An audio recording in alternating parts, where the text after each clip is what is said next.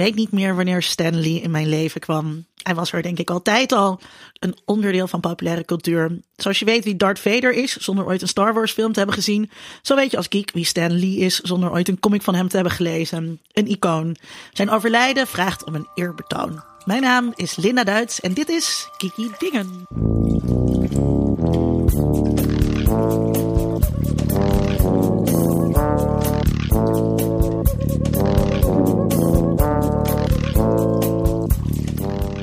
Mijn naam is Sidney Smeets en mijn favoriete Stan Lee cameo is uit de onvergetelijke en allerbeste Marvel film ooit. Uh, de Fantastic Four Rise of the Silver Surfer uit 2007. nee, dat is een uh, op zich niet zo'n geweldige Marvel film, maar de cameo die erin zit is heel erg leuk. Stan Lee komt aan op het huwelijk van uh, Sue uh, en uh, Reed Richards. En hij wordt geweigerd. En hij zegt dan, ja, maar ik ben Stan Lee. En zegt, ja, dat zeggen ze allemaal. En dan wordt hij weggestuurd. Nou, dat is op zich al heel grappig. Maar het is extra grappig omdat diezelfde cameo van hem en van de andere bedenker van de Fantastic Four, Kirby, uh, die zat ook in een strip van de Fantastic Four. Namelijk ook op het huwelijk komen ze allebei aanlopen en worden ze allebei weggestuurd. Dus ik vond, dat, ik vond dat een hele leuke cameo. Omdat het niet alleen een Stanley cameo is. Maar ook nog echt een teruggrijpmoment naar de strips. Mijn naam is Tom Aalmoes. En mijn favoriete Stanley cameo komt uit wat ik toch eigenlijk echt de beste Marvel film vind. Guardians of the Galaxy 2. Um, en daarin vertelt hij aan The Watchers, een soort mysterieus alien uh, uh, volk uit de Marvel uh, comics, um, over een andere cameo die hij heeft, waarmee gesuggereerd wordt dat alle cameo's van Stan Lee dezelfde persoon zijn en dat hij alle superhelden in de gaten houdt. Heel meta. Ja. mijn naam is Jochem Brak en mijn favoriete Stan Lee cameo komt uit de Amazing Spider-Man. Er zit een leuke scène in waar een groot gevecht bezig is. Op een gegeven moment knippen ze weg naar Stanley die een beetje aan het schoonmaken is. Koptelefoon op. En hij heeft niet door dat er keihard achter hem gevochten wordt. Uh, en, maar dat is dus hartstikke hilarisch. Want hij zit gewoon een beetje rustig aan het schoonmaken. Zonder uh, uh, door te hebben wat er allemaal omheen gebeurt. En dat wordt op een hele komische manier gedaan. En ja, het, leuke aan Stanley cameo's is dat in het begin werd er een beetje, werd er een beetje ingeplakt.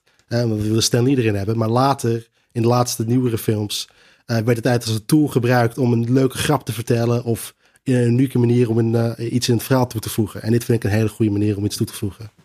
Ik vind ook al die Stanley cameo's eigenlijk leuk. Mm -hmm. En ik had dus vandaag de voorbereiding uh, op YouTube zo'n filmpje gekeken waar ze allemaal achter elkaar uh, zijn gezet.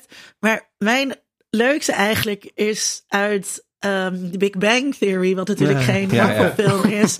En misschien ook wel van dubieuze comedy kwaliteit. Hmm. Uh, uh, maar er is zo'n aflevering en dan, uh, gaat, dan sta tekent Stanley in de comic book store waar ze al mm -hmm. naartoe gaan. En Sheldon is natuurlijk helemaal door het dolle heen. En die wil dan heel graag, maar hij, hij moet naar de rechtbank vanwege een parkeerovertreding met Penny of zo. Bla, bla. En uh, dan, uh, dan kan ik dus Stanley niet zien en dan is het heel erg sad. En dan gaat Penny dat voor hem regelen. Dan gaan ze langs bij zijn huis. En uh, nou ja, er zit nog een ironische grap mm. in ook. Uh, maar dat, dat vind ik eigenlijk wel leuk. Juist ook omdat het dus ook wat ik aan het begin zei. Um, uh, uh, dat soort verwijzingen, zeg maar, dat soort intertextuele verwijzingen eigenlijk, uh, vind ik heel leuk. Dus ja. daar vind ik die cameo's leuk, maar vind ik het ook leuk dat hij dat dus ook op andere plekken, plekken doet. Mm -hmm. ja. Een hele bekende is ook uit de Mallrats. Oh ja, dat is, ja. een film van Kevin Smith. En dat is eigenlijk, dat, ik zat namelijk hetzelfde filmpje te kijken, dat is eigenlijk een hele vroege cameo, dat wist ik niet. Ik dacht dat hij daarvoor al lang... Een van de eerste. ja, een van de eerste.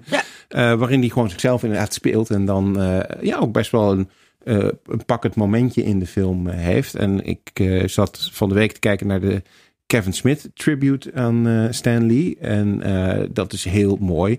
die, die Waar man, keek je dat? op YouTube. hij heeft een, een, een, een, een, een soort podcast podcast, ik weet niet hoe je het noemt, een videoprogramma. Uh, Fatman hè, noemt hij zichzelf. Fatman on Batman was het oorspronkelijk. Heb je wel eens eerder genoemd? Ja, klopt. ja. En uh, hij doet dat samen met een, een vriend van hem. En, uh, maar goed, die is niet zo heel vaak aan het woord.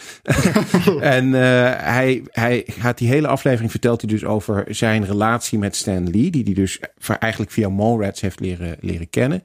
En daarna nog heel vaak eh, heeft meegemaakt op feestjes of in andere films of noem het maar op. En het is heel mooi gedaan omdat je echt merkt dat hij een soort, ja, toch wel een soort liefde voor Stanley had. eh, niet alleen vanwege zijn werk, maar ook als persoon. Dus hij, hij schiet ook af en toe vol en zo. Nou ja, dat is dan toch wel weer mooi om te zien. Ja. Dus, Daardoor eh, komt ook door die cameo's komt hij dus ook heel sympathiek over. ja, zeker, zeker. Dat, eh, dat draagt er altijd wel aan bij. Eh, we gaan het daar straks uitgebreid over hebben. Ook nog over die cameo's. Eh, maar u hoorde het al, luisteraar. We hebben een gast. Jochem Brak is hier. Je bent student aan het Windesheim. Mhm. En eh, je loopt stage bij eh, Beeld en Geluid. Maar bovenal ben je Stanley fan. Toch? Meer Stanley nerd zou ik kunnen zeggen. Stanley nerd zelf wel. wat, wat is voor jou dan het onderscheid? Eh, ja, wanneer als- wanneer als- gaat Venom over nerddom? Ik denk dat het bij stripboeken gaat het heel snel. Want Ja. als je, eh, zeg maar, je, je ziet Stanley ergens. En dan ga je natuurlijk even de Wikipedia-pagina's door. En dan stoek je een paar stripboeken op die over hem gaan. Want zoals je weet, Stanley, die komt zelf voor in heel veel stripboeken. En heel veel autobiografieën over hem geschreven zijn in stripboekvorm. En dan kom je die een beetje door te lezen. En dan krijg je weer een paar YouTube-filmpjes. Dus dan, eh, ja, bij, bij stripboeken ga je heel snel een beetje door op de obsessive. En dat, eh, ja, dat gebeurde bij mij ook. Nice. Nou, heel leuk. Was je verdrietig toen je, toen je hoorde dat hij, eh, dat hij afgeleden was? Wij, wij zagen elkaar, was het die dag? Nee, dat was net... eh, Net daarna. Nee, dat was zeg maar daarvoor was het eh, gebeurd, ja. Zijn overlijden. Ja. Ja. hij was ervoor overlijden, maar ik zag jou kort daarna. Kort daarna, ja. ja. en toen vroeg ik jou dat ook.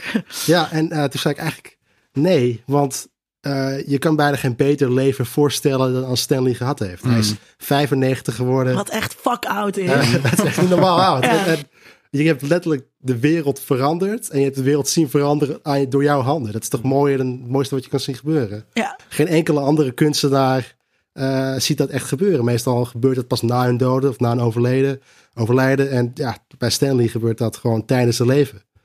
over zijn handen gesproken. We gaan het straks nog uit, uitvoeriger over hem hebben. Maar zijn laatste filmpje, hebben jullie dat gezien? Nee? Nee. Nou, zijn laatste filmpje is een filmpje waarin hij eh, vertelt van ja mensen, je- ik heb heel veel berichten gekregen dat mensen zich zorgen maken over mijn gezondheid. En eh, dat ze gezien hebben dat ik mijn linkerhand niet zo goed eh, eh, meer kan gebruiken. En ik wil jullie vertellen, eh, met mijn linkerhand is alles in orde. Maar nu heb ik een beetje last van mijn rechterhand. En dan laat hij zijn rechterhand zien en dan heeft hij daar een hulkhand. dat is het laatste wat hij Oh. opgenomen heeft. Ah, nice.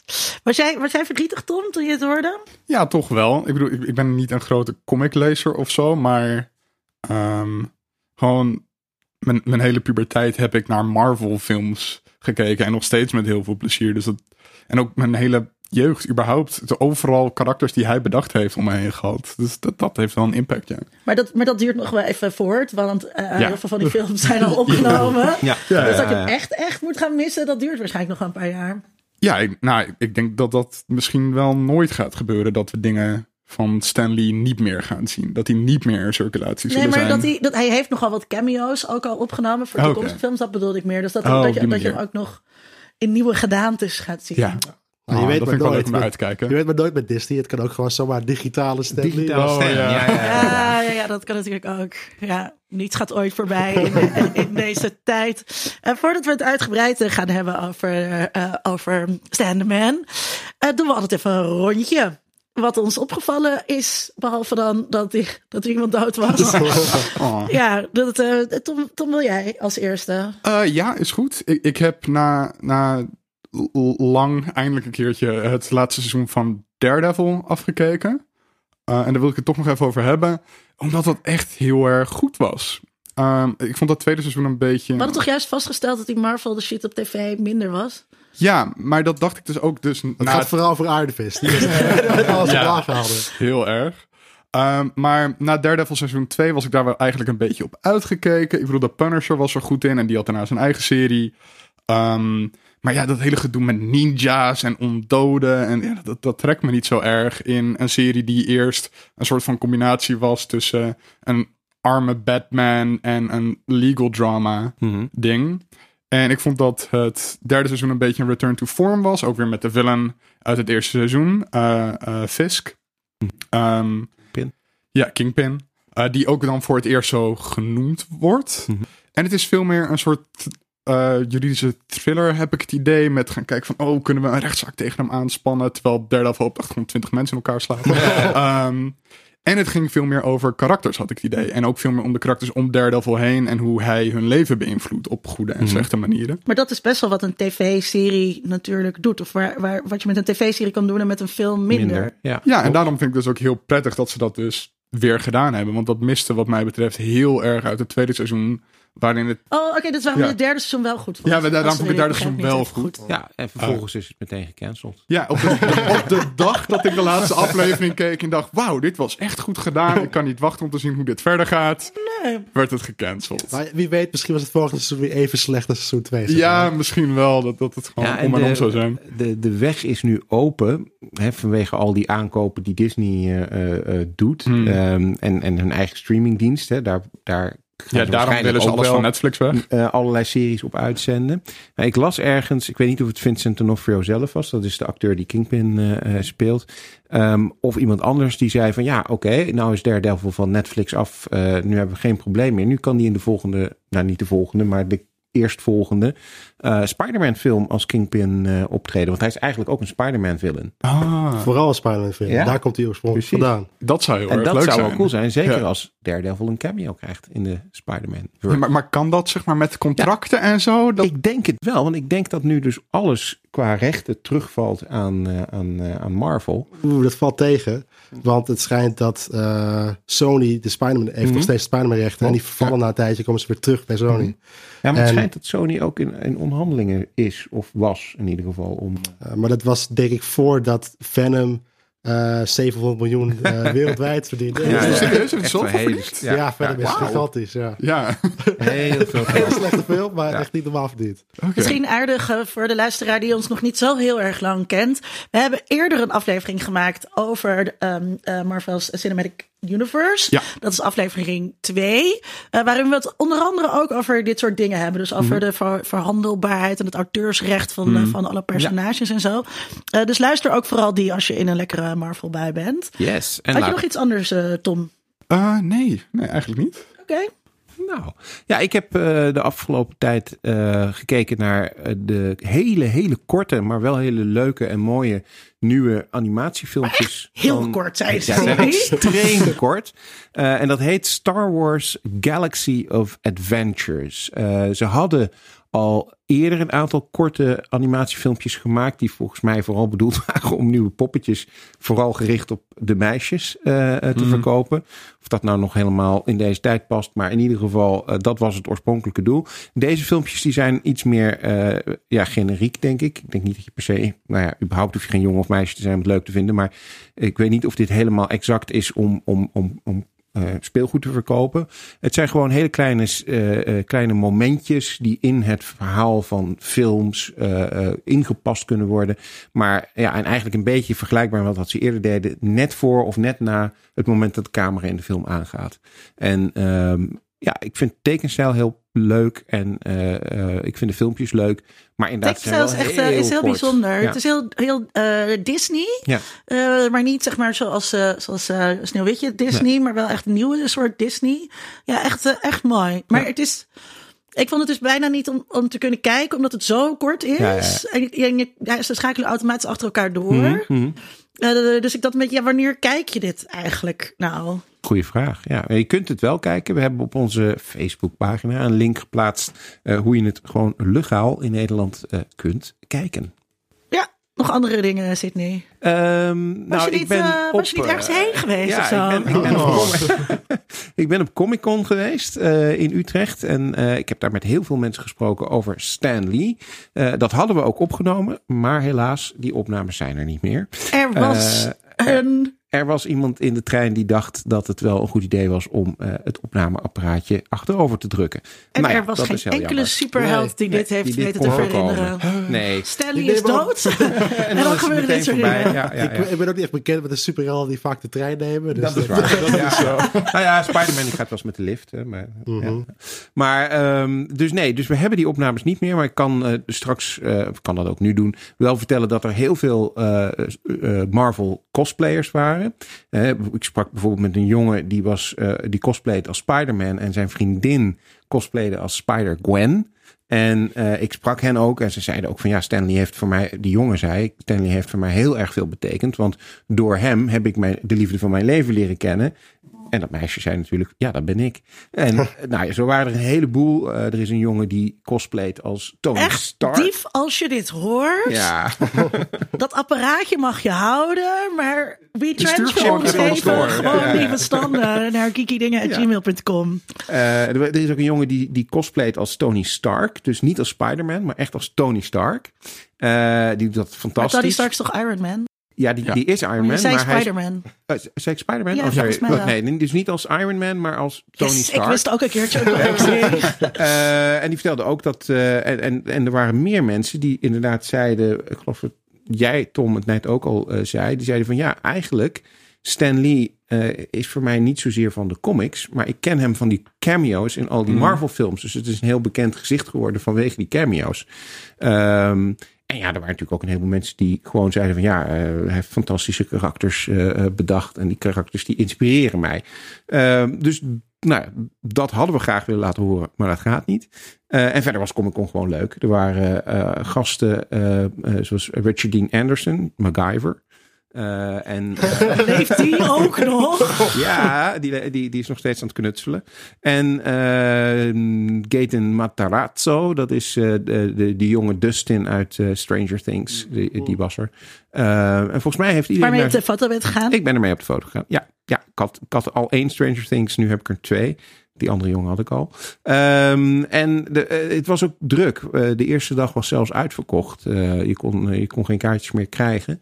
Eh, dus het lijkt toch wel eh, dat sinds Kiki Dingen op de podcast eh, te luisteren Dat is, zal het zijn. Dat het heel goed gaat met die Maar, maar was dat eh, van tevoren niet zo? Dat, dat Nou, ik kan me niet in Nederland herinneren dat... uitverkochten? Nee, volgens mij... ehm, ik ben niet op alle edities van alle Comic-Cons geweest. Maar ik kan me niet herinneren dat eerder al Comic-Cons zo eh, vroeg al uitverkocht eh, waren. Nee. De groeiende populariteit van, van fysiek bij elkaar komen is wel Mhm. iets ehm, wat ik samen met Koos Zwaan en Stijn Reinders vaststel Mhm. in onze onvolprezen bundel over fanculturen. de. Ashgate Research Companion to Fan Cultures. Dat dat wel dus Mhm. een ding is. Dat, dat dus voor mensen steeds belangrijk. Dus dat internet eerst de plek was eigenlijk waar geeks elkaar ontmoeten. En dat ze daar heel erg pionier in waren. En dat in deze tijden eh, dat fysiek samen zijn weer heel erg belangrijk wordt. En dat je dat dus ook heel sterk ziet binnen dat geekdom. Ja, al die geeks willen ook een biertje drinken natuurlijk. Ja, ja en, die, en, die willen, en die willen elkaar zien. En, en mensen kennen natuurlijk elkaar soms ook al echt jaren van, eh, van online contacten op fora en zo. En dan, eh, om, eh, om elkaar dan ehm, niet voor het eerst te zien, want vaak is dat dus al voor de zoveelste keer dat, dat mensen elkaar zien. Ja. Nou, had, had jij al gezegd waar je... Eh, nee, nog niet. Nee, ja. Nee, nee. Nou, ik heb misschien ook een beetje slecht voor dit moment. Want eh, eh, de film die ik het laatst gezien heb, die gaat compleet eigenlijk over dood. Het is Widows. Het gaat over eh, ja, een groep bankrovers die tijdens een, eh, ja, een heist eh, ja, overlijden. En dan eh, zitten hun vrouwen zitten allemaal in de schulden. En die moeten dus samenkomen om die laatste bankoverval zelf te doen. En eh, heel spannend, heel erg eh, Michael Mann, alleen dan met meer beetje sociale eh, eh, eh, commentary erbij. Eh Colin Farrell zit erin en die speelt een beetje corrupte politicus. Hm. Het is ook van Steve McQueen, eh toch? Steve McQueen, ja, ja, de- ja. van 12 Years Slave. Ja. ja. Het is de eerste film die hij maakt waar geen Michael Fassbender in zit. maar eh, ja, zelfs hier zit nog een superheld in. John Bernthal speelt erin. Die is, eh, die is de Punisher. Nice. Ja. Heel kort speelt hij erin. Heel klein rolletje. Maar, eh, echt Maar is het meer, moet ik, ik, ik, als je het zo vertelt, denk ik een beetje aan een soort Ocean's Eleven? Of is dat dat niet? Nou, Ocean's Eleven is echt heel komisch en het gaat helemaal Hmm. goed, geweldig. En dit is dat echt niet. Het is heel meer een stuk serieuzer. Je moet meer denken aan bijvoorbeeld Heat van Michael Hmm, Mann. Ja. Eh, een stuk langzamer en eh, ja, heel veel meer over hoe het is om in deze wereld te leven. Dus zeg maar, het speelt zich af in Chicago. Volgens mij is Chicago. Maar echt, het gaat ook over de rassenverschillen. eh, over hoe eh eh, verschil tussen rijkdom en arm. En ja, hoe deze vrouwen die nu eigenlijk niet gewend zijn om in deze wereld te belanden. Zichzelf zeg maar moeten zien te redden. En deze misdaad proberen te plegen. Waar ze echt helemaal geen ervaring mee hebben. Dus het is echt heel spannend. Echt gigantisch veel bekende, geweldige acteurs. Viola Davis speelt de hoofdrol erin. Uh, zoals Colin Farrell speelt erin. ik weet niet meer hoe jong hij heet, maar van Get Out en van Atlanta Mhm, speelt mhm. erin. Het is echt een super grote cast en heel spannend. En, en ja, echt geweldig om te zien. Cool. Ja. Uh, ik heb uh, redelijk wat uh, achter, de, achter de buis gehangen de laatste tijd. ik had hem al een tijdje op de plank liggen. Of tenminste, ik was er ooit aan begonnen, maar ik had hem niet afgekeken. De Deuce. Mm -hmm, met ja. James Franco Mhm. over... en Maggie Gyllenhaal. En Maggie Gyllenhaal over de overgang eigenlijk van uh, straatprostitutie. Of Maggie Gyllenhaal speelt uh, Candice en die, en die gaat, of Candy, en die gaat over van straatprostituee naar uh, porno-maakster. en ik geef nu een vak over sekswerk, dus het mm -hmm. past ook goed om dat te gaan kijken. zijn twee seizoenen. James Franco speelt een dubbelrol. Mm. Uh, hij speelt ook zijn broer. Wat misschien wel een van de allerslechtste dingen is ja. aan deze serie. Vraag je ja, af waarom dat nou nodig is eigenlijk. Ik vond de eerste ook aflevering echt zo verwarrend. Heel verwarrend, ja. Ik ben toen ook twee of drie keer ben ik opnieuw begonnen met de eerste twee afleveringen. Voordat ik dat door had. ik dacht eerst dat het hetzelfde, hetzelfde rol. Ja, hij verandert is... zo opeens. Een andere... Nee, ja, dat is dus heel verwarrend. Want ze lijken dus gewoon... Het is dezelfde acteur. dus ze zien er gewoon hetzelfde uit. En dan... Ja, je, hebt, je hebt dus niet door dat het een ander. Dat komt pas heel laat, wordt al duidelijk dat het een ander personage is. Dus dat is misschien niet helemaal goed geschreven. Niet zoals bij Ewan McGregor in Fargo, waar er eentje heel dik was en nee, kaal. Ja, en precies. Dan weet je, dan, dan, dan heb je dat door. Dat was dus, dat was dus hier niet. Dus dat uh, vond ik wel. Uh, dat, is, dat is jammer. En uiteindelijk ben ik ook toch niet even helemaal tevreden met over hoe dat sekswerk nou Hmm. gerepresenteerd wordt. Mhm. En dat ligt vooral aan Maggie Gyllenhaal. Die, um, die ja, dus zij speelt eigenlijk gewoon. Uh, haar personage is niet leuk. Hoe zij het speelt is ook niet leuk. Ik vond ook een aantal interviews die ze erover heeft gegeven. waren eigenlijk ook een beetje respectloos. Uh, naar sekswerkers. En, en dit is een heel seksistische opmerking. Oh. Um, ze, ze, het is natuurlijk heel fysiek, dus je ziet veel Mhm. van, haar- van haar lichaam. En ze heeft gewoon niet echt. Echt een. eh, ze heeft echt gewoon helemaal geen pornotieten. Dus echt best wel een beetje zielige borsten. Oh jee. En dat werkt dus gewoon niet. Dat, ga, daarmee, dat gaat er bij mij gewoon niet in. En dan gaat ze. Dan eh, zijn er zo die eerste porno awards en zo. Dus ja, dat Big Throat, Big Throat, Deep Throat is uitgekomen. Dus die scene verandert heel erg. En dan gaat ze naar zo'n gala. En dan heeft ze zo'n jurkje aan. En dan zitten ja, die tietjes daar ze zo, kon er niet zoals, want bij- toen daar Marky, zo in. eh, Marky Mark eh, in Boogie Nights speelde, toen hebben ze hem een eh, prosthetische Ja. slong gegeven. Maar dat Ja. konden ze bij haar niet. eh, Dat kon, er, dat kon er niet af. En ik weet niet of dat nou bedoeld is om het extra realistisch te maken of zo. Hm. Of dat dat misschien, dat ze dachten dat dat dan wel in die context paste van, eh, van streetwalkers. mhm. Eh, dat weet ik niet. Maar je kan mij niet vertellen dat ze. ehm, ja, ze speelt vooral ook regisseur, maar dat, dat, dat, dat ze daar nou naam mee, dat ze daar nou naam mee heeft gemaakt. En ik, eh, ik vind het.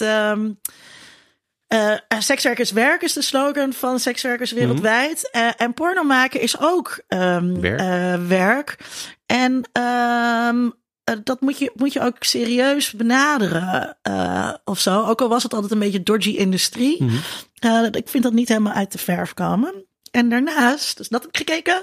Dus ik kan je eigenlijk wel op laten liggen. Dat, eh, dus het is niet zo. Dus de Deuce is eigenlijk best wel een beetje gek. Er is best wel veel geld tegenaan gegooid. Hmm, ja, Grote- groot gemarket. Grote HBO, markets. toch? Ja, eh, grote ja, HBO-show. ja, grote En, namen. maar het is niet echt ehm, doorge, doorgebroken. Wel twee seizoenen dus, maar ehm, dat.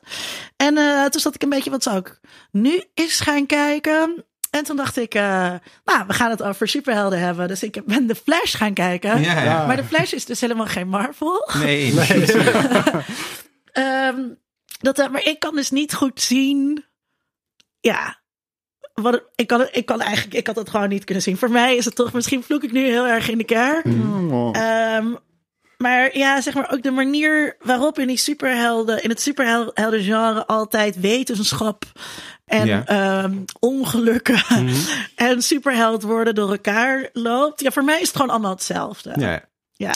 Wetenschap, superhelden is allemaal hetzelfde. Mhm. Ja, maar Ja. ook bij die tv-series, die lijken ook weer meer op de Marvel-boeken. Eh, zeg maar, eh, de Flash in de stripboek, die heeft niet echt zo'n supporting cast die zeg maar hem helpt. Het bij Spider-Man wel meer het geval is. Dus ik denk dat ze bij die series hebben ze ook meer gekeken van wat moet nu en hoe moeten we deze personages moderniseren. En dus hebben ze ook meer gekeken naar hoe dat in, eh, in de Marvel-kant gebeurt. Ja, Mm. ja. Ja, ik moet zeggen, het grappige is dat, ehm, ja, Jessica Jones, die vind jij niet zo leuk, maar... daar hebben we ook een aflevering over. Ja, eh, en, en Daredevil, eh, die hebben het best goed gedaan eh, op, Mhm. op Netflix. Maar daarvoor lukte het niet zo heel erg geweldig met die Marvel-series. Agents of S.H.I.E.L.D., dat, dat, ja, daar kijken wel mensen naar, maar het is niet echt een hit. Terwijl met die DC DC-series, dus The Flash, Arrow, eh, je hebt nu eh Supergirl, en Black Lightning heb je ook nog. Black Lightning. En je hebt nog die, die show waar ze allemaal samenkomen, de He- Heroes of Tomorrow. of. Eh, Legends of Legends Tomorrow. of Tomorrow. Ja, ik ben niet zo'n DC-fan. Ehm, en ze hebben ook heel veel crossovers. Hè, dus ze komen allemaal met elkaar in contact. eh, dus het is echt een DC-universe op televisie. Dat doet het goed. Er kijken heel veel mensen naar. Alleen wat ik er jammer aan vind, is wat ze bij bijvoorbeeld Daredevil deden. En ook bij Jessica Jones. Is dat hoewel Spider-Man niet in die serie voorkomt, zijn er wel verwijzingen naar het bredere MCU. Wat daar ook. eh, dat je kan zeg maar eh, jezelf voor de gek houden van. Oh ja, Jessica Jones die loopt in hetzelfde New York rond als waar de Avengers ook zijn. Ja, dat is ook de eerste Daredevil seizoen begint Ja. direct na Avengers 1. Ja, en Wilson. Fisk verdient zijn Ja. geld met het herbouwen van, Van- New York Ja, naar exact, Avengers. exact. Ja. Nee, en ze gebruiken zeg maar, de, de, de, de, wat in Avengers gebeurt om de reden te geven dat er nog steeds veel misdaad is in New York. Wat dit echt niet zo groot Ja, is. ja. Nou ja, en dat, dat vind ik dus wel leuk, omdat ik heel erg hou van, dat, eh, van, van zo'n universe building. Eh, maar dat doet DC absoluut dus niet, want eh, ze, hebben, dat, ze hebben zelfs in eh, de films een andere acteur natuurlijk die de Flash eh, eh, speelt. Dus het is heel duidelijk dat het niet hetzelfde universum eh, is. En dat, dat vind ik dan wel jammer. Hoewel de Flash vond ik op zich wel een leuke serie. Ja, we zijn er eigenlijk al, al ingedoken, dus eh, laten we maar meteen doorgaan.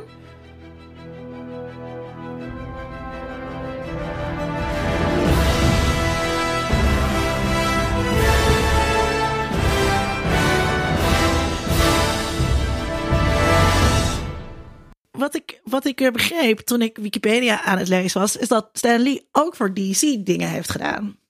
Sterker nog, er is een hele... Want hij is natuurlijk heel erg Mr. Marvel. Ja, maar dat is ook echt zo. En dat eh, DC is echt maar een uitstapje. Wat hij onder andere heeft gedaan, is eh, hij heeft een comicbook serie gemaakt, eh, een soort What If. Ehm, waarbij hij eh, dus, eh, een, een boek maakte bijvoorbeeld over als Stan Lee Batman uitgevonden zou hebben. Hoe zou dat er dan uitzien? Als Stan Lee Superman uitgevonden zou hebben, hoe zou dat er dan uitzien? Waarvoor je helemaal niet een heel groot ego hoeft te hebben om zo'n boekenserie te bedenken. Nee, dat- dat- nee, nee, nee. Dus dat heeft hij wel gedaan. Ehm, en ehm, ja, ondanks dat er een heel duidelijk ja, gevecht altijd is geweest tussen DC en Marvel. Hè, van wie, wie verkoopt het meeste, welke helden zijn, zijn het beste. eh, is er ook wel heel veel overlap geweest. Heel veel van de mensen die bij Marvel hebben gewerkt, die zijn naar DC gegaan of, of weer teruggekomen. Ehm, maar, maar formeel is eh Stan Lee altijd aan Marvel verbonden eh, gebleven. Hij is daar begonnen toen hij 17 was. En eh, nou ja, ik weet niet of hij officieel nog in dienst was eh, op zijn 95, eh, 90ste. Officieel wel. Ja. Ja, ja, Ja, precies. Ja. Hij was toch ere, ere iets of zo? Ja, hij was een soort, eh, ja, ik weet hoe je het precies noemt, maar een soort hype man, zeg maar. Eh, hij kreeg zeg maar een loon van een miljoen volgens mij per jaar. Ja. Om, eh, eh, ja, gewoon om te doen wat hij doet. Dus om gewoon Ja. die cameo's te spelen en om op cons op te, te, komen. En gewoon op, op talkshows en dat soort dingen. Nou, ik neem aan dat hij daar ook nog wel extra voor betaald kreeg. voor, maar ja. Ah, maar was, het, was, hij, was hij een beetje iemand met een ego? Weet je dat, Jochem? Eh, ja, ik weet niet, ik durf niet precies te zeggen, maar, Nee, ik was natuurlijk niet zijn psychiater. maar- maar mensen zeggen van dat, dat hij... eh, dat hij wel een beetje een ego had. En misschien ook soms wat te veel credit naar zich toe nam, zeg maar. hè. dat dat eh, bijvoorbeeld Steve Ditko en Jack Kirby, waar hij heel veel mee samenwerkte, vooral met die eerste paar jaren, dat hij zelf de wat meer- tekenaars. Dat zijn de tekenaars, ja. Dus de, Jack Kirby is van eh, Fantastic Four en Ditko is van Spider-Man. Dat hij zelf toch wat meer credit naar zich toenam dan, eh, dan naar kunstenaars. Dus dat, dat, eh, ja, die kritiek is wel op hem. Maar in hoeverre dat echt zo is, eh, weet ik natuurlijk ook niet. Ja. Dat je het nou hebt over die, die cameo's. Hè? Eh, daar, daar, dat deed hij al, ehm, al heel erg lang. Ehm, al in de, in de strips Ja. eh, tekende hij zichzelf eh, eh, Ja. daarin. Ja. Ja. Maar dat, dat gebeurt bij alle. Want volgens mij is er ook een Fantastic Four. En dan eh, ontmoeten ze God. Ja, en, dat is dan, en, dat, en dat is dan eh, die persoon- personages getekend als Jack Kirby. Dus, Ja, ja, ja. Maar het is natuurlijk op een gegeven moment werd eh Stanley al, voordat hij al die cameo's deed in de filmen en zo, werd hij natuurlijk al een, een soort persoonlijkheid binnen die hele stripwereld. Ja. Ik bedoel, we hadden ook altijd brieven in de comics van, van of een, een praatje aan het begin van... Hallo, mijn naam is Stan Lee, dit is wat we gaan doen in deze comic, superleuk. En op alle covers stond zijn naam. Dus eh, eh, ja, dat, dat klopt dan ook wel dat hij op een gegeven moment gaat verschijnen in die dingen. Omdat mensen hem gewoon al herkenden heel erg in die tijd. bedenk, ik bedenk me nu in één keer dat Willy van der Steen ook zichzelf Ja, ja. wel eens in de Suske en Wiske tekende. Ik denk dat veel tekenaars... eh, Nou ja, Flo doet het in ieder gestript. Maar eh, ja, er zijn heel veel mensen die dat eh, die doen natuurlijk. En Stan Lee, eh, die... ehm, wat misschien wel goed is om even te zeggen... dat hij eigenlijk eh, niet Stan Lee heette. Hè? Hij heette Stanley. Eh, eh, Niet. Ja, ja, Dat wist ik niet. Wist je dat niet? Nee. Ja, ja Stanley Lieber. eh, Voortaan en- gaan we jou ook zit. Nee. Nee, wat, wat hij ooit... Wat, hij- Droppen gewoon die smeets en dan Ja. ben je gewoon sit the man nie. Ja, Sit the Man Lee. Ja, nou ja, dit was Stan the Man Lee. En eh, de reden waarom hij de naam Stan Lee is gaan gebruiken... hij heeft daarvoor nog wel een paar andere dingen gebruikt... maar Stan Lee is die op een gegeven moment gaan gebruiken. En over ego gesproken. Omdat hij ervan overtuigd was dat hij op enig moment... eh, de Great American Novel zou gaan schrijven. En dan wilde hij niet dat zijn echte eigen naam... verbonden zou zijn aan Ah. zoiets laags als comics. Dus heeft hij gedacht van, Oh, Wat dan een minne reden. ja, nou, daar is hij natuurlijk heel erg van teruggekomen. Want hij is daarna gewoon de man van de comics geworden. Dat, dat wordt in zijn autobiografische comics niet verteld. Nee, nee, nee, nee, klopt. Dat laat ze achterwege. Dat hadden de fans hem verscheurd. Uh, maar hij is dus eh, inderdaad... eh, daarna heeft hij een groot... Of heeft hij in ieder geval laten zien dat hij zichzelf eh, best oké vond. Door, eh, nou ja... eh, ook gewoon heel bewust op pad te gaan. Hè? Daar naar universiteiten en andere plekken om lezingen te geven over comics. Hij was heel vaak op televisie. Maar was dat, eh, was, dat, was dat heel uniek? Deden andere comic-tekenaars of comicmakers, schrijvers dat niet? Nou, ehm, die, er, waren, er waren al wel comic cons. Dus er waren ook andere, eh, met name tekenaars. Want dat is wel een ding. Ehm, je hebt schrijvers en je hebt tekenaars. En je hebt mensen die en schrijver en tekenaar eh, zijn. Ehm, en Stan Lee was heel duidelijk een schrijver. En geen tekenaar. Hij kon wel tekenen, maar het was niet zo dat hij, dat hij zelf zijn strips eh, eh, maakte. Eh, sterker nog, zijn eerste verhaaltje voor, voor Marvel eh, was in een Captain, American, eh, Captain America eh, eh, comic. Het was ook gewoon een geschreven verhaal. Het was niet een, niet een stripverhaal. Ehm, en heel veel van die tekenaars, die gingen dan wel naar die comic cons, maar die hadden niet zo heel veel charisma. Dat waren gewoon mensen die het leuk vonden om te tekenen. En die zaten veel te tekenen en die vonden het leuk om handtekeningen te geven. Jack Kirby staat erom bekend dat hij bijvoorbeeld voor, voor kapitalen aan origineel artwork eh, weggaf in het, eh, in het begin van zijn carrière. En Stan Lee was veel meer de man eh, van de marketing en van de commercie. Dus dat was echt iemand die een goed verhaal vertelde en die, die, die daarmee de boer op, op wilde gaan. Ehm, en die tekenaars, ja, die, van Jack Kirby is bijvoorbeeld bekend dat hij gewoon in zijn huis een kelder had. Echt een, een, een, een zompige, donkere kelder. Waar een heel oud bureau stond en een, en een vreselijke stoel. Waarvan iedereen zei van ja, daar kun je niet langer dan vijf minuten op zitten. En daar zat hij de hele dag gewoon te tekenen. Uh, en dat vond hij interessant. Uh, wil, en hij is later inderdaad wel boos geworden dat uh, Stan Lee iets te veel van de credits uh, misschien naar zich toe trok. Maar... Maar de Stan Lee was eigenlijk zeg maar de persoonlijkheid die die, die, die uh, stripindustrie, uh, die nieuwe stripindustrie moet ik misschien zeggen, uh, van de jaren 50 en 60 nodig had. Ja, dat denk ik wel. Hij was een beetje de Jobs tegenover de... Ja. de ja. Ja, ja. ja. Nou, je ziet het ook als je naar interviews uh, terugkijkt. En, en je leest het ook wel in boeken die erover geschreven zijn. Uh, het, het, het, het, er was echt een cultuurverschil tussen DC en, en Marvel. Uh, zo misschien nog even hebben over hoe Marvel daar gekomen is. Maar in ieder geval op een gegeven moment was het zo dat Marvel echt een beetje stond voor de, de, de, de jonge, uh, hippe uh, mensen die daar uh, ook gewoon in een t-shirt rondliepen. En Marvel was gewoon een corporate identiteit. DC bedoel je? Sorry, DC was inderdaad meer corporate. Mensen hadden daar een pak aan en een stropdas om. Uh, en, en was gewoon heel anders dan, dan Marvel. En Marvel stond er ook meer onbekend dat ze gewoon veel meer risico namen met, met, uh, met hun comics. Komt dat dan ook omdat Marvel een jonger bedrijf was? Niet helemaal, want ze zijn uh, de voorloper van Marvel is de naam die Stan Lee op een gegeven moment eraan gegeven heeft. maar daarvoor heten ze bijvoorbeeld Atlas Comics en ze zijn begonnen als. Pioneer? Nee, nee, nou ben ik even de naam kwijt. Nee. komen we straks ongetwijfeld wel op. Uh, Jochem heeft ook een boek meegenomen. Ja, daar staat het ergens in. Ja, ja, ja. Maar ik moet even nadenken, want er staat ook iets met een T, was het volgens mij, True Comics en zo. Maar, uh, Timely Comics. Timely Comics, ja, dat Timely Comics. Sterker nog, dat, dat zit ook in, in een Iron Man quote op een gegeven moment in een van de films. Dan zegt hij Timely. Nou, dat is dus vanwege het feit dat, uh, dat ze ooit Timely heten. Uh, en toen hij er dus als 17-jarige kwam werken, ja, die man had gewoon heel veel charisma en heel veel karakter in zich. Dus die, die werkte zich al heel snel op. En um, nou ja, daar gaan we het straks nog vast over hebben. Maar uh, ja, hij heeft die comic-industrie wel heel erg veranderd. Maar het duurde ook heel lang nog voordat hij echt aan de superhelden comics begon. Want ze begonnen eerst met allemaal, uh, wat heel populair was in de tijd, waren westerns. En dan maakten ze allemaal western comics. En dan werden de monsterfilms, zeg maar. En dan maakte hij allemaal monster comics. En, welk uh, jaar, welke, welk, in welk decennium zitten we nu? Echt wel de jaren 30, 40. Oké. Okay. Toen was hij er al? Ja, hij is 95 geworden. Ja. hij is op zijn 17e begonnen. Ja. Ja. ja tij, tijdens de oorlog is hij daar begonnen, toch? Ja, voor, de oorlog, voor de oorlog. Hij heeft, in de oorlog heeft hij ook nog, uh, is hij ook nog soldaat geweest. Weliswaar oh, niet aan het front, maar goed, hij is wel soldaat geweest. Ja, hij schreef propagandastukken voor de Amerikaanse overheid, toch? Ja. En hij maakte posters. Ja. Uh, nee, hij, nee hij, die man is dus gewoon voor. Maar het is ook heel apart als je nu naar interviews van hem uit de jaren 70, 80 kijkt. Daar is hij dus al een oude man. Het is echt heel bizar, want hij is dus echt gewoon heel oud geworden ook. Uh, maar ja, toen hij daar dus begon, toen hebben ze eerst inderdaad, uh, wat jij aan het vertellen was, uh, ander soort comics gemaakt.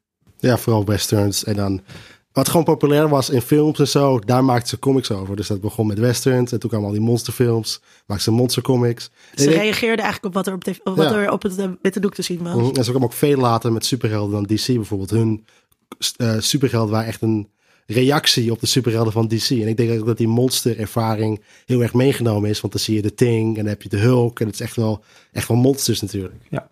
Ja, je had bij DC, uh, die zijn natuurlijk uh, begonnen, Action Comics heette het toen nog, maar vrij kort daarna werd het DC. Ze zijn begonnen met uh, Superman.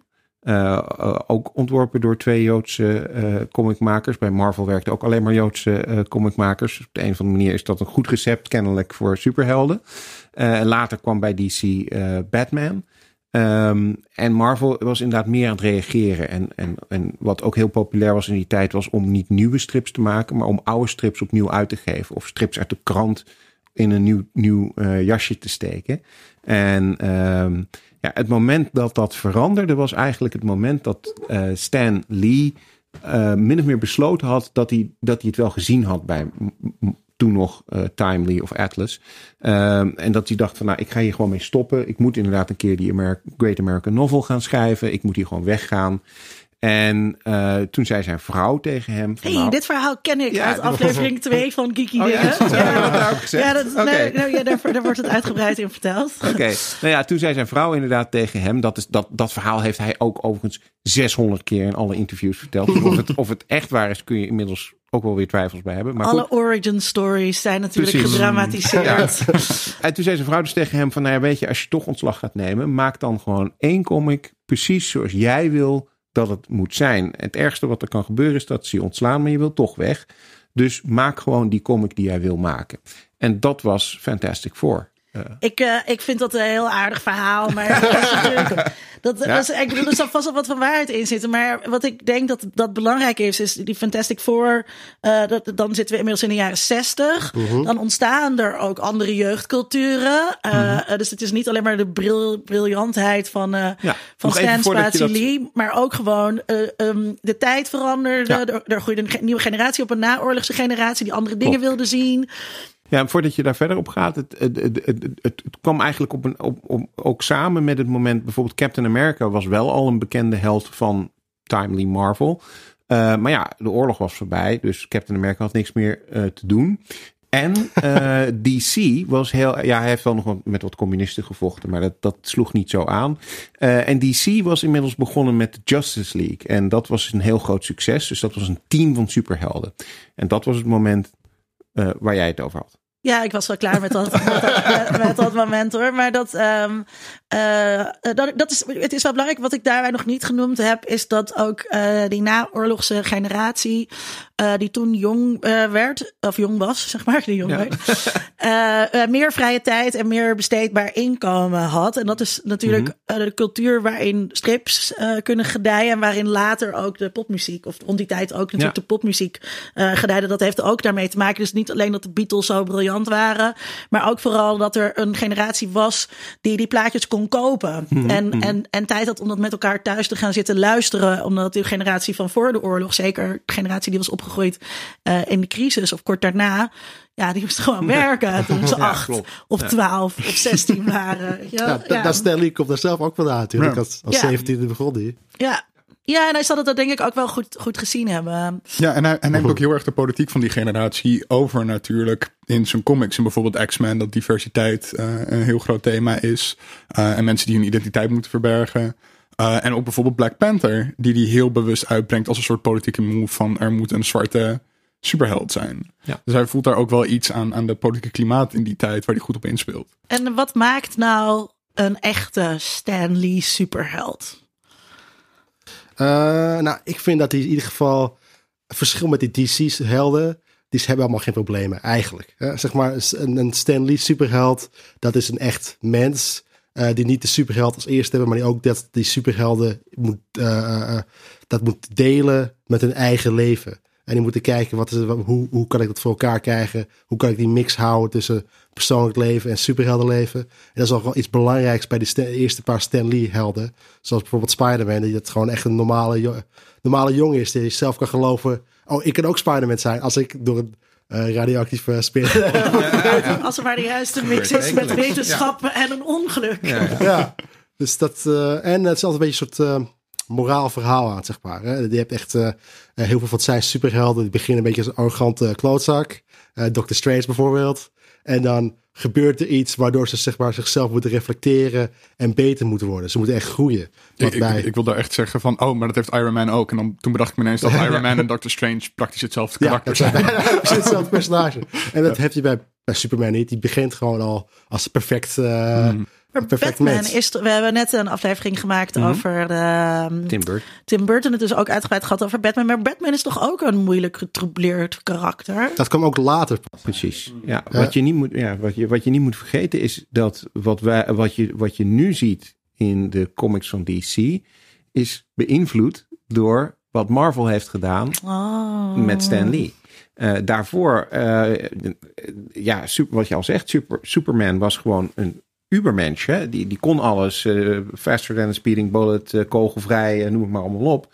En die had niet zoveel problemen, want hij had Lois Lane en daar had hij een relatie mee. En hij had een, een baantje bij de krant. en ja, Batman was voordat Robin erbij kwam en die wat kritiek kreeg over de homoerotische lading daarvan. Eh, gewoon een miljonair met, eh, met een, een vleermuizenpak aan die s'avonds Ja. eh, ging crime fighten. En die we nu inderdaad als een hele donkere held en zo eh, Ja. zien. Maar die toen toch iets meer gewoon een, een, gewoon, ja, een hele platte superheld. Ja. Wham, Dat- bam, slap. Ja, ja. dat kwam echt van die, van die dingen zoals The Spirit of zo, zeg maar die radioshows. Daar komt Batman vandaan. En de Batman die we nu kennen is eigenlijk een beetje een reflectie op Daredevil. Want het is eerst eh, eh, Frank Miller schreef Daredevil eh, heel veel voor. En daarna schreef hij dus de, de Dark Knight. En eh, ja, dat is de beeld dat wij van Batman hebben, maar dat komt pas veel later. Ja. Oké, dus eh, eh, eh, eh, ze zijn heel menselijk. ehm, ze, Mensen- hebben, ze ze hebben- zijn heel alledaags. Eh leven ze altijd in de grote stad? Ik dan, het lijkt me het idee dat het altijd in New York is. Maar daar is altijd de meeste misdaad natuurlijk. Hè? Nou, nou. Eh, Texas Chainsaw Massacre. Ja, Ja, Eh, nee, nee, nee. Ja, ze- nee, dat is ook een belangrijk verschil. Ehm, want Stan Superman. Lee komt natuurlijk uit eh, New York. absoluut. Opgegroeid, born and raised eh, in, in New York. Ehm, Superman woont in Metropolis. En Batman woont in Gotham. Gotham. Maar En, dat is het eh, allemaal dat is hetzelfde. Nee, nee, nee. Want, eh, want Universal City is het volgens mij waar eh, de Flash woont. Dus dat zijn allemaal verzonnen steden. Central City. Of Central. City. Central City, inderdaad, ja. Maar dat is allemaal New York. Klopt, maar het heet niet New York. En wat heel uniek was aan eh, bijvoorbeeld Spider-Man, eh, is dat je Spider-Man zag vechten op de Brooklyn Bridge. En dat je, ehm, en dat, dat, dat wordt ook wel eens beschreven in, in, in verhalen over nou, waarom is Marvel dan zo interessant. Dat mensen zeiden, ja, eigenlijk kun je, als je die strip leest, kun je je voorstellen dat als je de hoek omloopt, dat Spider-Man daar ook is. Want het is een echte stad. En hij is ook in een echt leven. En hij heeft echte problemen. Inderdaad, niet van. Ja, hij is toch een superheld. Dus Lois Lane vindt hem fantastisch. Nee, hij moet allerlei dingen doen. om te kijken of Mary Jane. eh, of, of een van de drie anderen. waar die. Stacy. Ik ben Stacy, precies. Nou, sterker nog, op een gegeven moment gaat een van zijn vriendinnen gewoon dood. Door. Dat is ook de implicatie van als dat gebeurt. Door iets wat hij doet. Ja, wat echt Mhm. beter moet. eh, superhelden. Ja.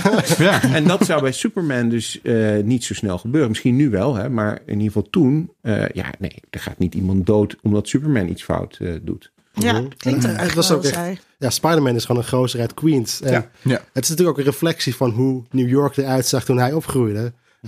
Dat was gewoon heel erg eh, veel misdaad. Ja. dat is veel later pas geworden. In de jaren tachtig of zo echt. Dat het echt minder, eh, heel erg verminderd is. Ja, is nog wel, een nog wel een stuk daarna. Dat zit trouwens dus weer heel erg. Dat is wel iets heel leuks aan de Deuce. Eh, Dat ze dus heel erg die, eh, dat rauwe Oude New New York, York, dat ja. gritty New York laten zien. Toen Times Square gewoon echt eh, de plek was voor Hoeren de en snoeren. Ja. hoeren en snoeren en pimps en drugs. En eh, eh, ja, lekker authentiek. Het is overigens wel zo dat. eh, eh, eh, Dat je denkt, oeh, ik heb zin om daar te gaan wonen en de boel te gaan gentrificeren. Ja, ja, ja. Het is wel zo dat ze bij Marvel op een gegeven moment wel een beetje geprobeerd hebben om het te verspreiden. Hè. Niet alles alleen maar in New York. Bijvoorbeeld de Hulk, dat was New Mexico. En eh, op een gegeven moment kreeg je ook de West Coast, Coast Avengers en, en, en dat soort dingen. Dus, dus ze hebben het ook wel verdeeld over het land. ja, en je had ook Thor in de ruimte. Ja, en, en zeker op een gegeven moment gingen ze ook Kantoor uit de ruim- ruimte? Asgard. soort van, ja. Ja, Asgard is een andere planeet. Ik dacht dat dat gewoon... Je hebt ook Thor in de films. Je zit de hele tijd op een ruimteschip en zo. Ja, dat heb ik wel. Maar, maar, maar ik had niet door dat Asgard dat dat een andere planeet was. Ik dacht dat dat gewoon... Of een realm eigenlijk. Ja, dat dat wel gewoon planeet. een soort van de hemel... Wel gewoon Mhm. net als onze hemel van de aarde, maar dan Noors. Nee, Thor, Thor is eigenlijk gewoon, gewoon een alien. ja. Ehm, ja. Oké.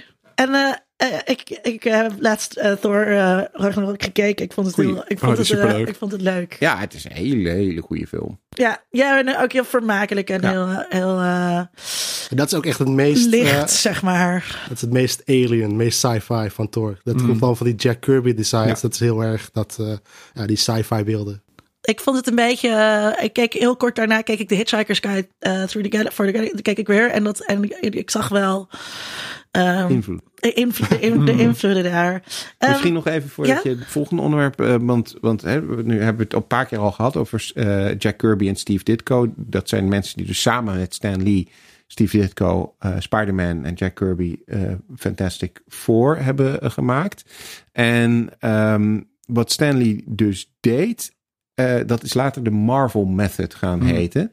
Eh, en dat wil dus zeggen dat hij een verhaal verzon. En eh, soms ging hij dan ook op het bureau staan om uit te beelden wat er allemaal gebeurde. En dan vertelde hij dus dat verhaal. En dan ging de striptekenaar eh, naar huis of, of naar zijn eh, werkplek. En dan ging hij dat verhaal tekenen. En dan vulde Lee later de tekst in de tekstballonnetjes in. En dat was een hele andere manier van werken dan bijvoorbeeld bij DC of bij andere comics. Waar iedereen echt samen een script schreef. En dan tegelijkertijd ook met bezig was met van nou hoe doe je dat dan. Maar zo kon hij dus, omdat hij dus gewoon de hele tijd alleen maar verhalen aan het verzinnen was, kon hij en zicht houden op hoe die verhalen onderling eh, in verhouding stonden. Waardoor je dus ook kreeg, wat je nu in die Marvel films ook zo vaak eh, ziet gebeuren, dat er allerlei onderlinge verbanden en verwijzingen in zaten. Waardoor je echt het gevoel hebt van ja, dit bestaat echt. Eh, en hij kon dus heel veel comics maken. Want hij hoefde dus niet eh, de hele tijd zelf eh, er bovenop te zitten. Hij hoefde alleen maar het verhaal te vertellen. En dan ging iemand anders het uitwerken. maar dit is inderdaad. Sorry, dan ga je gang. Oh nee, hij schreef ook met een gigantisch tempo. En dan heb je ook wel eens heel veel van die oude, kun je nog wel zitten soms wel eens foutjes zien dat hij soms een personage een andere naam geeft. Ja, eh, maar, maar dit wordt dus inderdaad een Marvel Method genoemd. Eh, het klinkt een beetje gewoon als eigenlijk een showrunner, zoals, we, dat, ja, zoals we klopt, dat nu eh, kennen. Eh, maar het is ook heel erg ehm, wat bijvoorbeeld bij soaps gedaan wordt. Mhm. Dus bij, hoe soaps zeg maar zo snel en zoveel productie kunnen draaien, is ook je hebt een aantal hoofdschrijvers en die zetten de lijn uit en die zetten dan storyboarders aan het werk. En vervolgens heb je allemaal lagere teams die Ja. dat dan zeg maar eigenlijk helemaal ja, inkleuren. Eh, soap is een heel vrouwelijk genre waar altijd heel erg op neergekeken wordt. Terwijl dat hele, eh, dat hele ehm, eh. Cinematic Universe zo? is toch gewoon een heel soapy wereld. Tuurlijk, met al die, die- al die onderlinge relaties. En eh, het is gewoon alleen dat ze niet heel vaak elkaars vriendinnetje aftroeven of zo. maar, maar ja, komt het wel op Ja, neer. Ja, nee, klopt.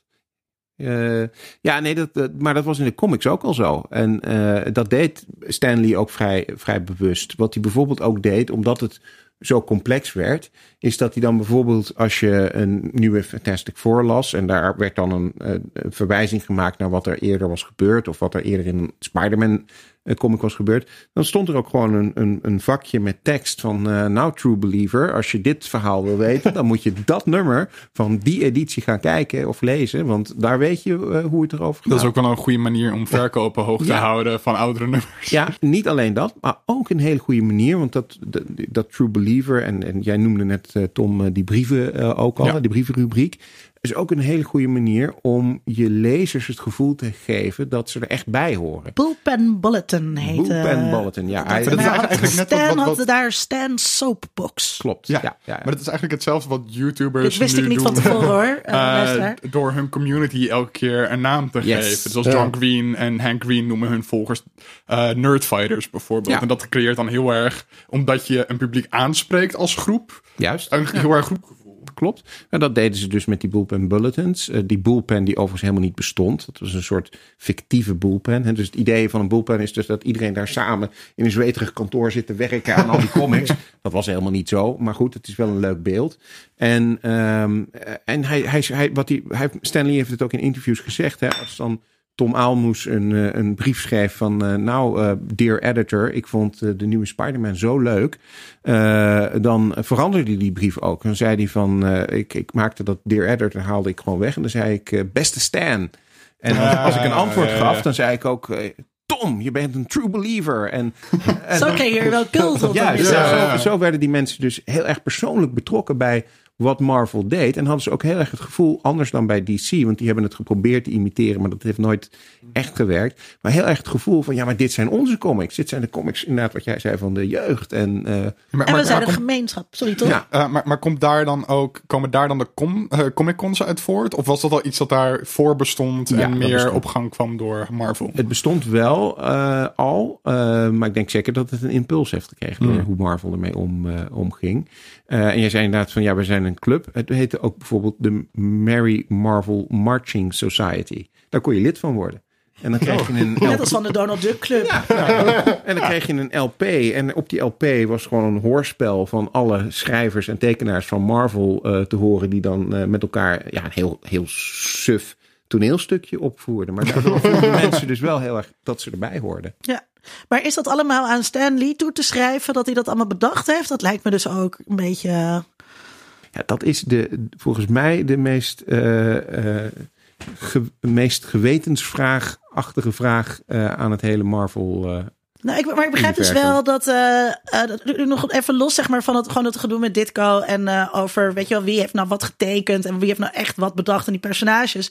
Gewoon natuurlijk die hele machine eromheen, zeg maar, De- het hele opzetten van eh, de industrie, de gemeenschap, mensen aan het kopen te houden, dit soort trucjes, wat natuurlijk ook gewoon trucjes eh, zijn van klantbinding en zo.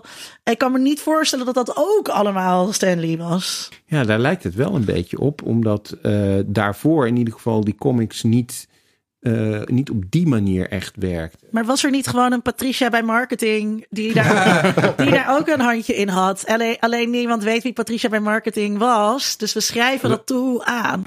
Nou ja, dat, dat zou eh, theoretisch kunnen, alleen volgens mij, maar goed, ik weet ook niet alles van Marvel, maar ik, ik heb er wel een paar boekjes over gelezen.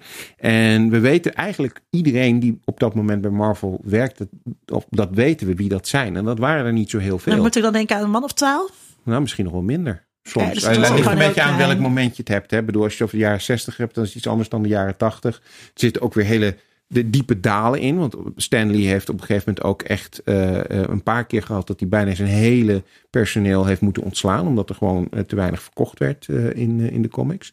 Um, en hij is de enige constante factor daar eigenlijk. Ik vind best dat we trouwens in dit, deze eerbetoon aflevering ja. dat heel groot mag maken hoor. Dat vind ik niet zo. Uh, dat, vind ik, dat vind ik helemaal prima. Um, ik las uh, in, uh, in de obituary van The Economist, want mm -hmm. dat, dat lees ik graag. Um, daarin zeiden zij, werd geschreven dat Stanley eigenlijk de eerste auteur van comics was. Um, als we nou kijken naar auteurstheorie binnen mediawetenschap, uh, dan gaat het dat nooit over. Dan gaat het, dan gaat het vooral over dat er een, um, een herkenbaar oeuvre mm -hmm. uh, is. Klopt het dan dat dat dus uh, ervoor niet bestond en dat dat bij DC ook niet bestond? Een herkenbaar oeuvre? Jochem, die kijkt. Ja, ik ben niet echt heel erg bekend met die grote persoonlijkheden van DC als die er al geweest zijn. En meestal zie je daar echt dat uh, uh, uh, heel veel personages worden aan één persoon toegeschreven. En die heeft niet heel veel andere personages bedacht. En wie was dat? Ja, die, gewoon, bijvoorbeeld bij Batman was dat Bob Kane. En dan is, heb je bij Green Lantern is weer iemand anders. En bij Superman zijn die twee jongens.